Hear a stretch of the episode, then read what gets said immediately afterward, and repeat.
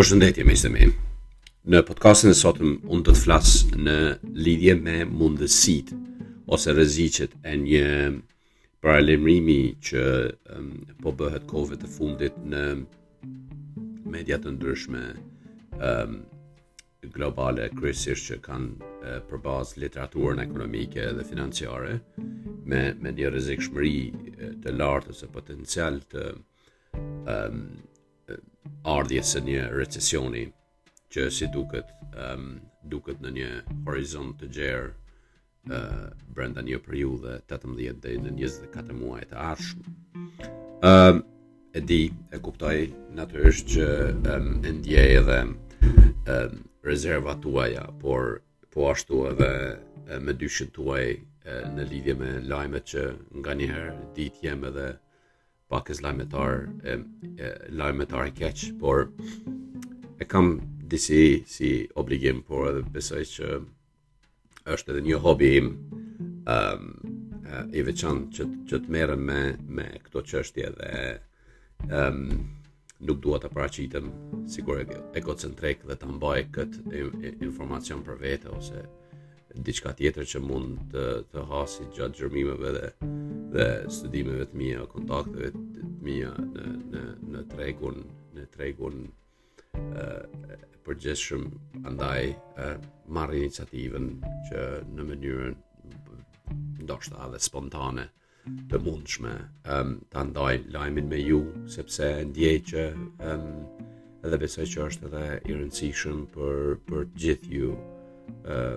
prej çfarëdo lloj background-i që vini ose me çfarëdo lloj pune që merreni,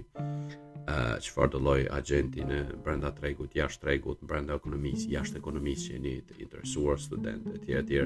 Pra, background-i juaj është i vlefshëm, por edhe ka një farë lloj pariteti me atë me ato, pra me ato um, interesat që që mund të përputhen duke kuptuar më tepër nga tregjet financiare, nga nga e, ekonomia globale, globale e tjera. Pra, si tematikë sot shfrytëzoj mundësinë që të që të diskutojë dhe të etablojë më tepër në lidhje me këtë potencial rrezikshmëri të recesionit që paraqitet para nesh. Ëm um, paralajmërimi u bë kryesisht nga një ekonomist uh, shumë i mirënjohur uh, në gjithandej Larry Summers, i cili është edhe këshilltar ekonomik në uh, kabinetin e president Clinton, presidenti Clinton si edhe uh, në atë të presidentit Obama. një ekonomist i shquar i cili um, i cili ka punuar um, domethënë shumë thellësisht edhe seriozisht në brenda vetë mekanizmit ose makinerisë um, së ekonomisë amerikane dhe i kupton i kupton trendet uh, por po ashtu ka edhe qasje um, të rëndësishme, selektive dhe të veçantë brenda vet strukturës edhe arkitekturës ekonomike amerikane. Ky i fundit paralajmëroi që gjasat për një recesion njën në Shtetet e Bashkuara në veçanti e janë shtrihen në mes 30 deri në 40% e mundësive kjo brenda 24 muajve të ardhshëm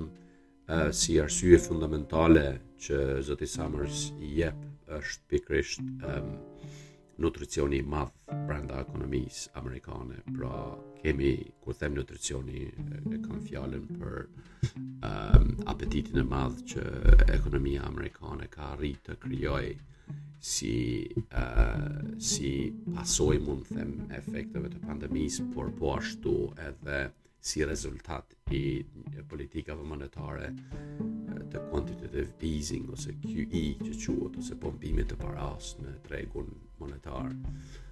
tregun financiar amerikan që nga viti 2008-2009 kur si kundërpërgjigje ndaj krizës financiare globale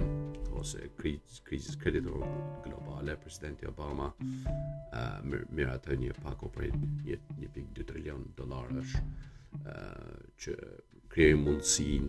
që tregjet financiare të kërkojnë djesë.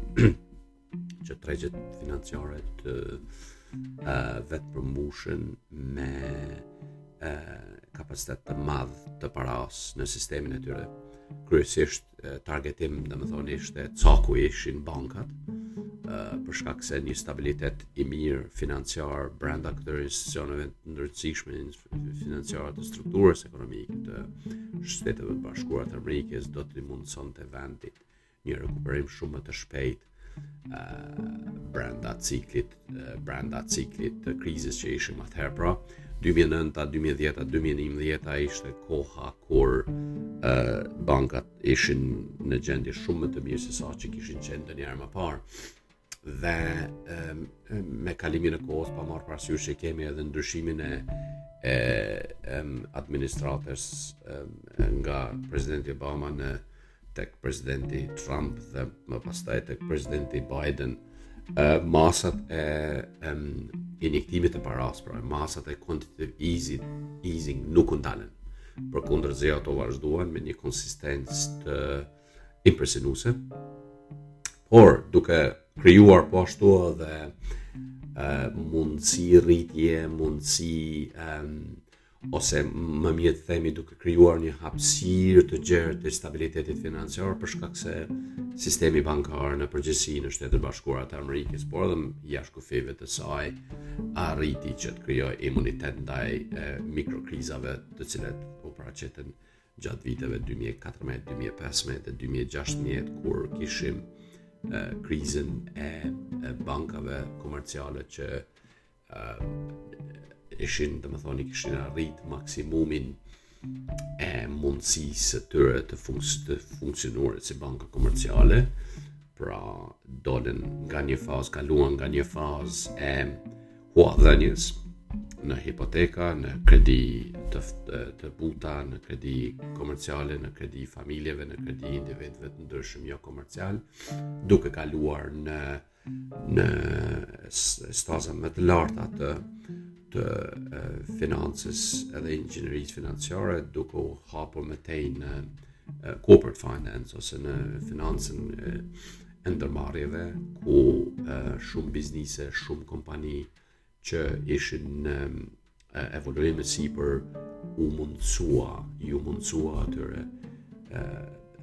potenciali për t'u zhvilluar më tej në me anë të huamarrjes nga këto banka për shkak se sistemi ishte i tejmbushur me kapital dhe me kalimin e kohës kemi edhe fazën e tretë kur uh, prej, domethënë, prej vitit 2014-15-16 kur kaluam nga mini mi, mikrokrizat e vogla bankare, kaluam në një em, evoluim në mënyrën se si trajtohet financa bank bankare ku um, sfidat fillunë të dalin, të dalin ose të vijnë kryesisht nga um, fintech ose teknologjia financiare zbulimet e fundit, domethënë nëpërmjet shpërdorimit, përdorimit të aplikacioneve ose apps, shumë platforma bankare dolen në shesh, sikur këpurdhat mas shiut, edhe nuk e kom ndërmend ta konsideroj këtë si pejorativ, por um, besoj se ka qenë një zhvillim shumë i, i hovshëm, shumë i shpejt, por edhe që i zuri të gjithë, duke përfshirë neve në sistemin bankar që ishim në, në atë kohë, duke na zënë uh, si të habitur, uh, nga nga ky evoluim i i i madh, nga ky revolucion pa marrë parasysh që ishim ne ishim vetë ata që krijuam infrastrukturën, uh, u krijuam infrastrukturë të të të nevojshme dhe ato që kërkonin nëpërmjet të platformave të huadhënies që jepnim ne, në atë kohë mbaj mend, uh, isha duke punuar në Global Corporate, seksionin brenda brenda bankës ku isha dhe e, shumicën e marrëveshjeve korporatiste e, që i bënim e, për huadhënie të e, ndërmarrjeve që kishin domethonë të ardhura mbi 100 milion pound në vit Ehm, kryesisht i targetonim kompanitë të cilat e, fokusoheshin në zhvillimin e infrastrukturës së financa, financës, teknologji, teknologjisë financiare. Pra, ne vetë ishim ata që jo vetëm që i miratonim këto huadhënie ose këto kredi, linja krediti shumë shpejt, shumë efektshëm edhe me shumë zemërgjerësi, por inkurajonim rritje në këtë sektor. Pra unë mund të them që jam dhe vetë fajtor për e se tashti varësisht prej perspektivave të njerëzve se si e mendojnë për kundrazi unë jam shumë pozitiv edhe jam shumë optimist për zhvillimin e fintechut sepse kjo është e ardhmja por të mos harrojmë që fintechu është edhe një është edhe një mekanizëm um, që inkurajoj edhe rritjen e, e valutave digitale, kriptovalutave sot, por që i kemi uh, por po ashtu me potencial, për shkak se mbaj mend që 2016-2017 ishin, ishin vitet kur uh, prognozifikimet që bënim ne në sektorin bankar për formën dhe mënyrën se si ekonomitë post e, e zhvilluara dhe ekonomitë në zhvillim do të marrin në 10, 15, 20 vitet e ardhshme, um, ne ishim shumë të kujdesshëm por edhe shumë të vëmendshëm që t'i japim një formë, një drejtim kësaj kësaj kësaj ekonomie të së ardhmes, se ekonomia së ardhmes është pra ë ekonomia e, virtuale, ekonomia digjitale, ekonomia online, duke përfshirë të gjithë, kur them të gjithë, e kam fjalën për ë të gjitha elementet ndër elementet, si edhe ndër seksionet e ekonomisë, duke filluar që nga shitblerjet në dyqane e deri te marrëveshjet e mëdha multimiliardëshe që mund të zhvillohen nëpërmjet akterëve të ndryshëm brenda një ekonomie të çfarëdolloj madhësie. Pra, e dhashë këtë këtë tablo të, të shpejtë, e, por të shkurtër, sidomos e, periudhën kritike 2009 dhe 2016-2017, ku unë mendoj që në historinë e ekonomisë botërore e, do të shkruhet e, me shkronja të mëdha, ë të ngjyrshme, domethënë të të, të me me me shkru me një font të zi të trashë, ë ku do të theksohet që ekonomia globale prej aty mori edhe hovin e e vetëpranimit të vet të një vetëkënaqësie për evoluim, për revolucion në në mënyrën se si bëjmë ekonomi, se si e zhvillojmë ekonominë dhe se si um, se si krijojmë mundësi dhe oportunitete për për për të ardhmen. Pra, ë uh, kjo ë tablo është e rëndësishme për shkak se na jep të kuptojmë shumë më shumë në ato që thotë Larry Summers në lidhje me recesionin, sepse unë besoj në në këtë teorinë teorinë e absorbimit, e absorbimit ekonomik. Çka do të thotë kjo teoria e absorbimit ekonomik në në fushën e e në në në fushën e politikave monetare të vendeve të zhvilluara ka të bëjë më tepër me ndërlidhjen e parasë me çdo sektor të ekonomisë. Pra, nëse në vitin 2006-2007 kishim një binaritet në mënyrën se si ekonomitë u zhvilluan, sepse jo çdo sektor i ekonomisë u zhvillua falë bankingut ose sistemit bankar. Kujdes. Por um, gjithçka në atë kohë ishte zhvilluar në bazë të në bazë të vetiniciativës dhe rreziku ishte linear, nuk ishte e nuk ishte domethënë i dyanshëm ose i shumë shumanshëm për shkak se um, rreziku nga një ndërmarrës merrej për vete dhe mbarte me vete dhe ajo se ajo në fund të fundit ishte personi që do të përgjigjej për gjithçka përderisa um,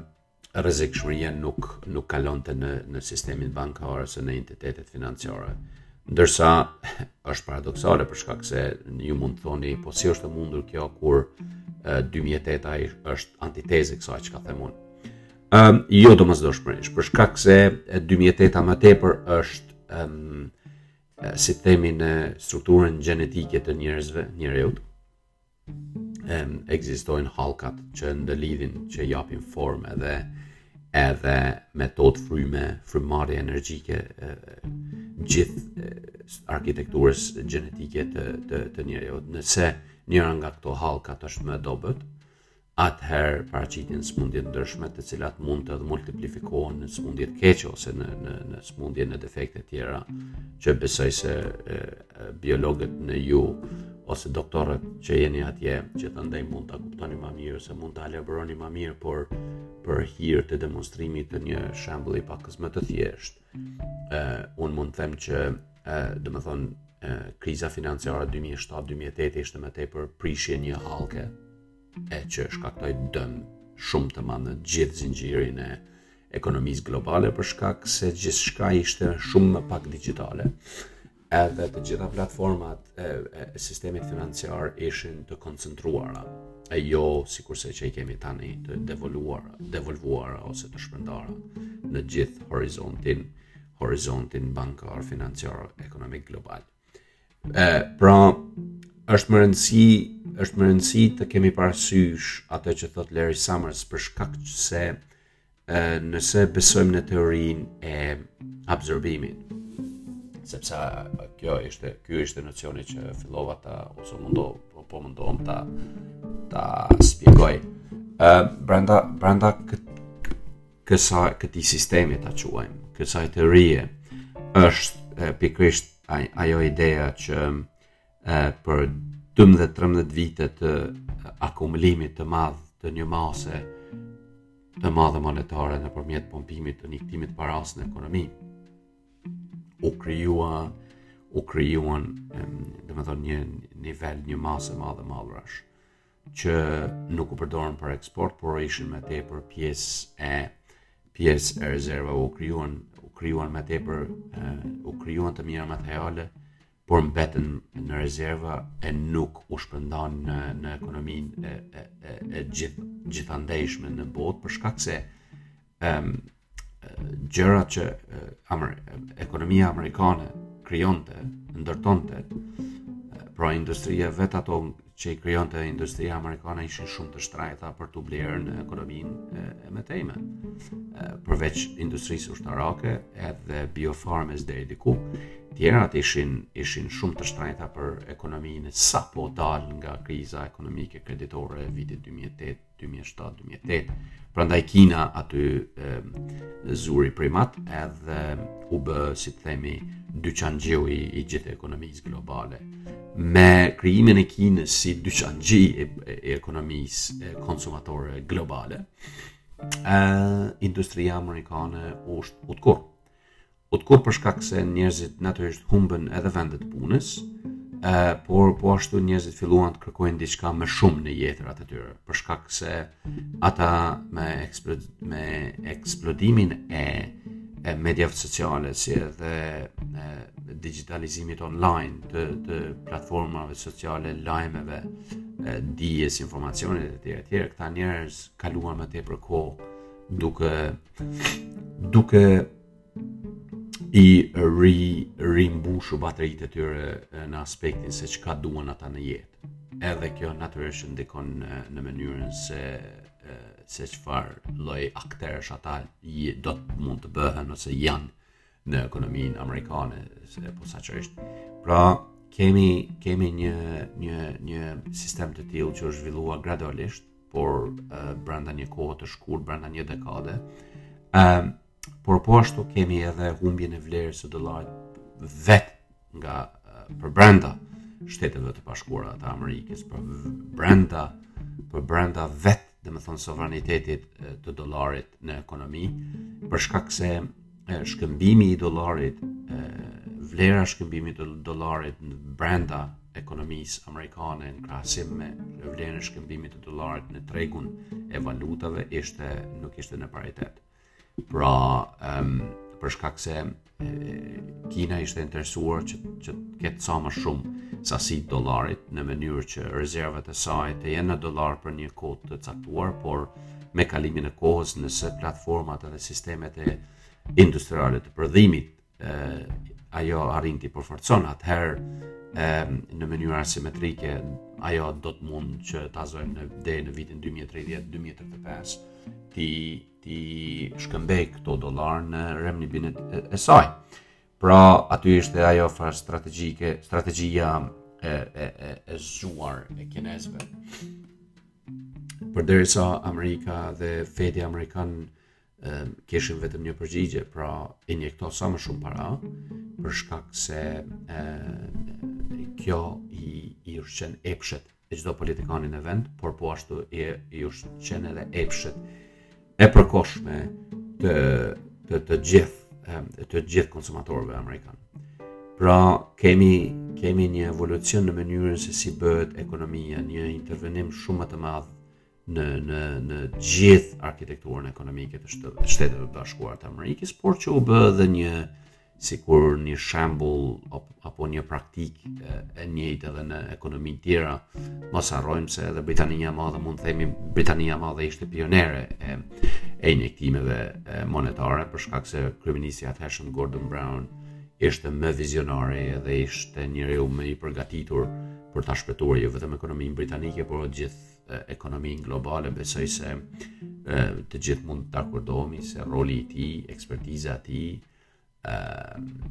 ekonomike, kuptimit fundamental të financave e, e shpëtoi botën në vitin 2008. Prandaj,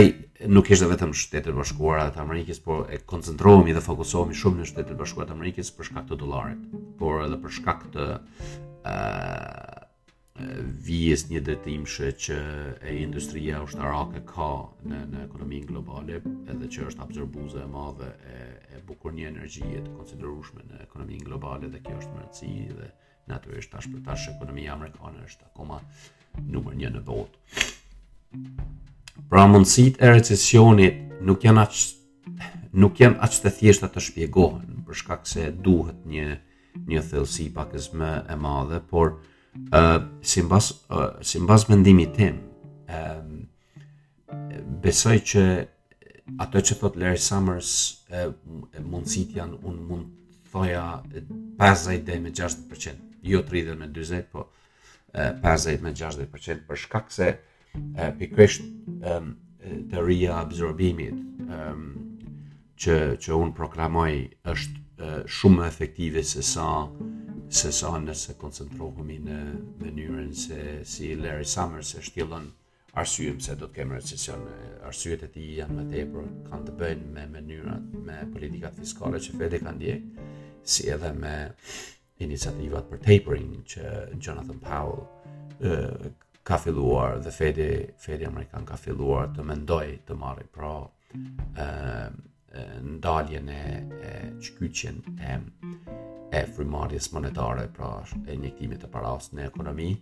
si edhe e, trendet e fundit në databazën e Ministrisë së Punës së Shteteve të Bashkuara të Amerikës ku tregon që ka një ka një shthurje në mes të asaj çka ekonomia amerikane kërkon dhe e, nivelit dhe përgatitjes dhe gatishmërisë të e, klasës punëtore që t'i përgjigjet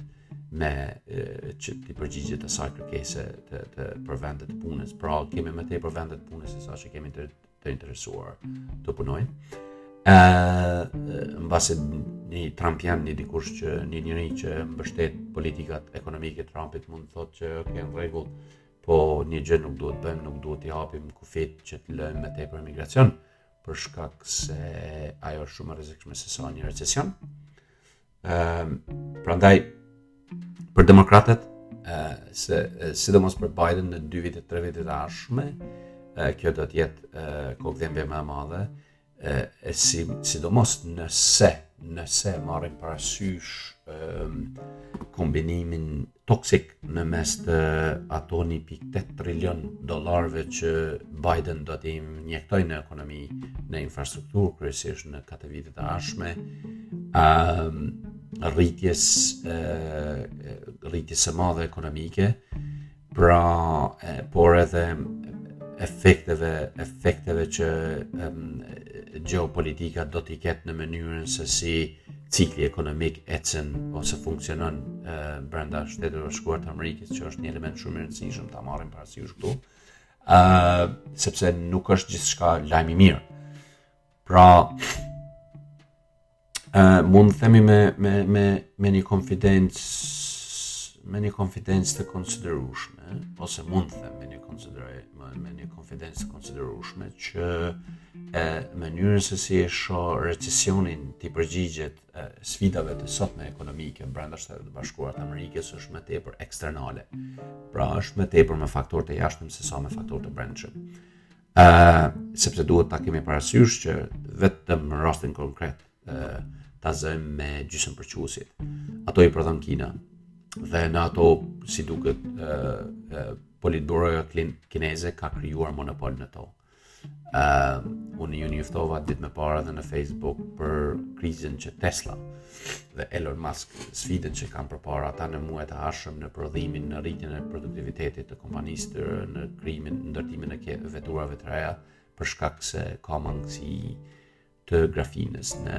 në tregun e mineraleve. E, kjo kryesisht është për shkak se e, shteti kinez ka e ka monopolizuar prodhimin edhe e kontrollon e, në mënyrë direkte dhe me dorë të fuqishme këtë mineral, duke ia pamundësuar Shteteve të Bashkuara të Amerikës që ta ushqejë veten në në në këto komponente shumë të rëndësishme sikur gjysmëpërçuesit lithiumi ose grafina etj etj. ë që nëse nëse do ta mendonim strategjikisht 10 vite më herët, ë këto ishin dituri që ishin gati sekrete brenda vetë Fedit dhe nuk nuk bëheshin shumë të njohura në në publikun e e, e gjerë, por sot natyrisht me mediat sociale dhe me evolucionin që kemi në media në përgjithësi, ë domethënë mangësitë, dobësitë në në në ciklet edhe në në rrjetin e furnizimeve tashmë janë publike edhe disa vende sikurse Rusia, Kina, Rusia me gazin ndaj Evropës, Kina me gjysmëpërçues edhe me minerale tjera, po i shfrytëzojnë për natyrisht për, për objektiva e tyre politiko-ekonomike që janë shumë më të rëndësishme sesa kërcënimi ushtarak. Ë, pra e them e them që do të ketë efekt ë recesioni nëse një recesion që mund të ndodhi në ekonominë amerikane mund të jetë si rezultat ose si pasojë e efekteve të jashtme. Atëherë, domethënë nuk është larg mendjes, por po ashtu edhe një element tjetër që për fund do ta përmbyllim këtë podcast është Edhe ideja që e, domethënë me me neutralizimin e çmimores brenda indeksit të ekonomisë, indeksit të çmimeve në ekonominë amerikane, e, ne do të mund ta targetojmë inflacionin, por e, në afatgjatë ne po sjellim më afër recesionin. për shkak se duhet ta kemi parasysh që tashmë një nivel i madh i i i i kërkesës um, i kërkesës në brenda ekonomisë amerikane që është domethënë nuk është në paritet me ato që kemi në ekonomi tjera pa marrë parasysh që kemi kemi um, domethënë ngadalësim në mënyrën në, në sistemin e eksporteve ë do të mund të domethënë të marrë kahje krejt tjetër, të shkojmë në kahjen më ekstrem. Të kemi mbiprodhim, të kemi mbifurnizim,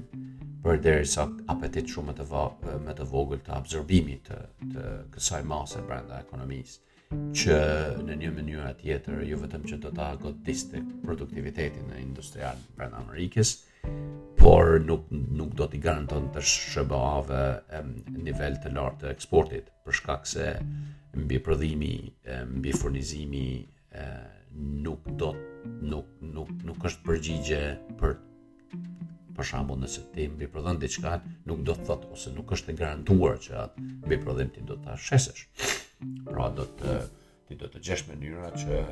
të merresh me atë mbiprodhim, me atë mbifurnizim, përderisa vlera e parasë që duhet t'i përgjigjet mbiprodhimit, Nuk është aty, për shkak se ajo para është çmimorja e asaj paraje është përcaktuar për për vlerën e mallit që është i nevojshëm brenda ekonomisë, brenda ato brenda asaj që konsumatorët amerikanë mund ta mund ta absorbojnë. Pra, ëm um, duhet duhet të jemi shumë agnostikë në mënyrën se si e perceptojmë recesionin dhe çfarë forme të marrë dhe unë besoj që forma më më e mirë nuk ka formë të mirë të recesionit, mos më keqkuptoni natyrisht, po po unë po mendoj brenda një dinamike konstruktive. Forma më ta zëmë më konstruktive e një recesioni të butë do të ishte e, që mos ta priste mos ta prekte dollarin por e, ta prekte ta prekte domethënë të kemi një një um, si të themi një mangësi, një një sasi mangësie brenda politikave të punësimit. Edhe e, më tepër të kemi, domethënë, apetit për më tepër brenda ekonomisë, ose në punësim, ose në kërkesa prej konsumatorëve, e jo në vlerën e dollarit edhe në në mënyrën se si dollari fillon të kthehet mbrapsht në në ekonominë amerikane për shkak se ajo do do të kishte shumë më tepër shumë më tepër uh, rrezik për për um, për për ekonominë e për edhe për të ardhmen e ekonomisë amerikane. Pra, ëm um, në një kontekst më të gjerë mund të themi që recesioni amerikan është shumë më lehtë edhe më i kollajshëm i kaluar brenda vet kufijve amerikan se sa e, kur të del, të them kur të rjedh jashtë kufijve amerikan. Dhe gjasat për të rrjedhur jashtë kufijve amerikan janë shumë të mëdha. Pra, nëse fokusohemi në ekonominë globale, atëherë efektet do të jenë shumë më shkatërruese dhe më më dinamike në aspektin e, e përhapjes së këtij recesioni në ekonomitë më të dobëta, sepse do të ndikojnë në, në punësim në këto vende, e, sepse produktet e tyre nuk do të blehen e, për shkak se mbiprodhimi në Amerikë dhe mbiprodhimi në Kinë do të ngushtojë shumë më shumë e, hallkat e prodhimit këtyre vendeve që janë në zhvillim, pra të varfërit, vendet e varfra, vendet që janë në zhvillim do të vuajnë shumë më tepër prej një potenciali të recesionit ekonomik amerikan, se sa vetë Amerika ose konsumatori amerikan. Natyrisht duke mos injoruar që edhe konsumatori dhe populli amerikan do të vuajë, por jo në atë stad siç do të mund të vuajë, vuante për shembull